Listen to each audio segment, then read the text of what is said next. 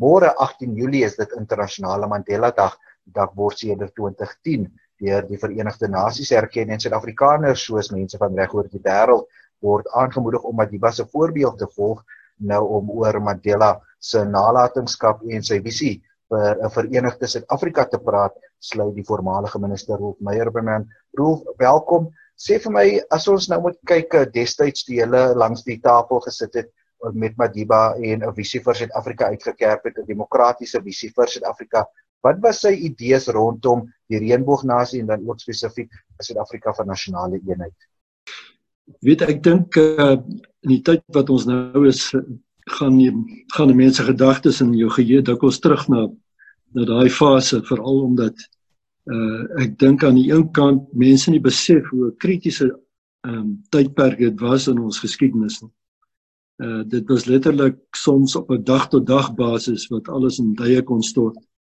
En aan die ander kant is daar ook die die feit dat daar was sterk leierskap, daar was uh duidelike rigting.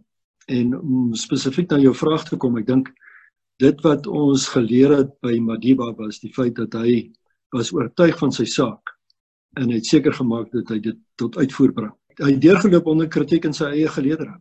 Daar was spanning in sy eie geleedere. Daar was mense wat hom teëgestaan het in opsigte van sy versoeningsboodskap, van sy van sy wil om 'n 'n onderhandelde skikking te bereik in Suid-Afrika. En ten spyte daarvan dat hy die leierskap gehad en aan die dag gelê en uitgevoer om seker te maak dat ons 'n vredesame oorgang bereik het dit was te danke aan daardie leierskap. Roof het ook die belangrikheid van minderheidsgroepe besef in die hele proses. Ek dink eh, ek dink Madiba se uitgangspunt en sy uitkyk was dat ons in Suid-Afrika moet skep waar almal gelyke geleenthede het. Uh en dit is dit het beslag gekry in die grondwet beslot van sake. Die ek ek praat dikwels daaroor die die hele konsep wat beliggaam is in hoofstuk 2 van die grondwet uh, gee uiting daaraan dat alle Suid-Afrikaners op 'n gelyke grondslag uh moet deelneem as individue, maar ook in gemeenskappe. Uh moet deelneem aan die bou van die nasie. En en ek dink dit is 'n verskriklike belangrike punt in die huidige konteks. Natuurlik was was Madiba nie ten gunste van minderheidsgroepe as 'n uh, uitsonderlike groeperinge nie. Uh, wat ek daarmee bedoel is hy het 'n inklusiewe benadering gevolg uh, en ek dink as mense wat ongelukkig soms sien dat minderheidsgroepe met eksklusief uitgesonder word vir uh, tegemoetkomende behandeling of andersins. Ek dink nie dit was maar die basis nie, maar hy wat hy het 'n baie sterk inklusiewe benadering gehad om te sê alle Suid-Afrikaners moet op 'n gelyke grondslag kan deelneem aan die bou van die nasie. Rolf, dis nou 25 jaar later in ons demokrasie en baie probleme in die land, baie probleme in die wêreld. Waar het ons die pad byster geraak in terme van rasseverhoudinge en nasionale eenheid?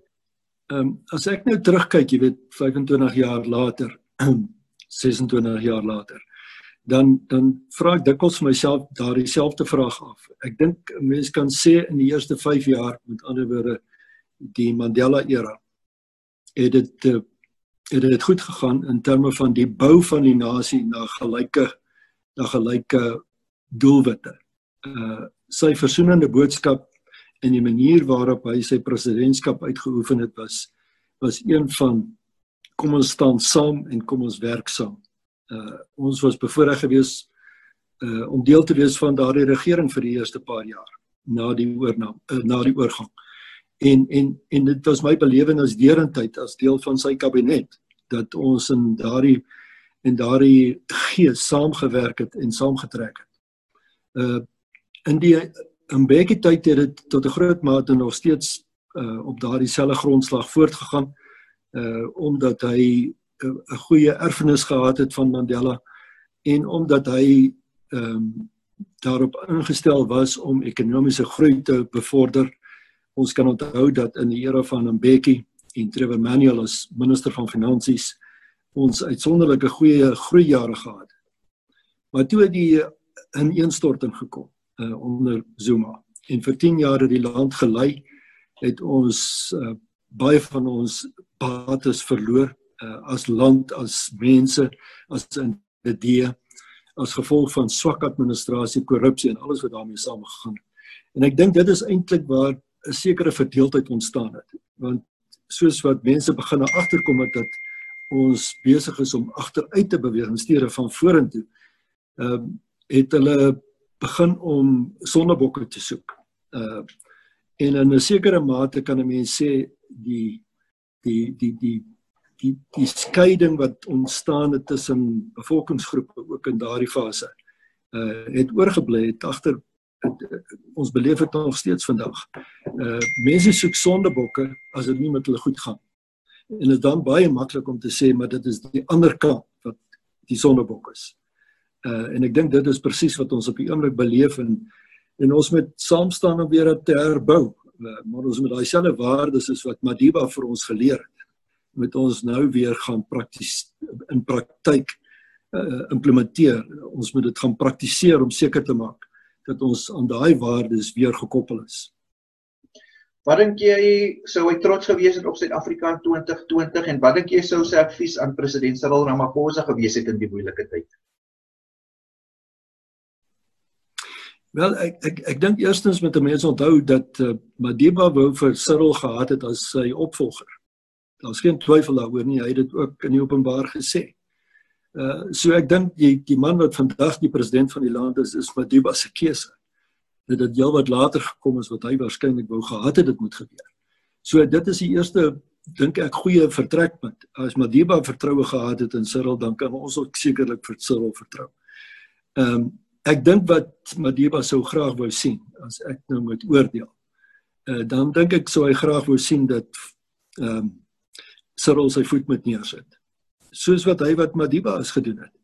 Ek het aan die begin verwys daarna dat Madiba het mense gehad in sy eie geleeder wat hom teëgestaan het. Die ANC was nog altyd 'n sogenaamde broad church. En uh, dit was toe so gewees en dit is nou nog so. Met ander woorde daar's mense met uiteenlopende sienings binne in die ANC. Uh, maar Madiba het sy voet neergesit wanneer dit nodig was. Hy kon vir en hy het vir Pieter Mokaba op sy plek gesit. En ek dink uh, Cyril met daardie manhaftigheid aan die dag lê uh, om seker te maak dat ons nou die pad uh, voluit loop soos wat ons moet. As dit nie gebeur nie, dan gaan die jakkalsies altyd daar wees om te plunder en uh, en ek dink Cyril moet keer dat dit gebeur. Rolf, my laaste vraag, ehm um, jy het 'n nou pad met president Mandela gestap veral in die vroeë dae. Ehm um, wat is een ding wat jy altyd van hom sal onthou en hoe gaan jy Mandela Dag vier Saterdag en um, om sy voorbeeld te laat voorleef? Uh, ek ek die een ding wat altyd altyd aan my kop sal vassteek tot die dag van my dood is die ongelooflike menslikheid wat Madiba aan die dag gelê het. Jy weet ek, ek vertel altyd ek het die voorreg gehad as minister in sy kabinet om dikwels met hom een op een gesprekke te hê. Alleen, net hy en ek. En by nie een van daai geleenthede het hy ooit 'n verwytende houding van enige aard teenoor my aangeneem. Nooit. Hy het selfs nie as 'n vraag in daai rigting gegooi nie dit was met ander woorde 'n teken in my in my oordeel van van sy menslikheid wat oorheersend was. Uh, dit het op my so indruk gemaak dat ek vir myself gesê het ek wil dit ook graag uitleef. En ek dink dit is die boodskap wat uh, wat Mandela Dag vir ons almal inhou. Uh is dat ons met ons menslikheid aan die hand van die voorbeeld van Mandela uitleef.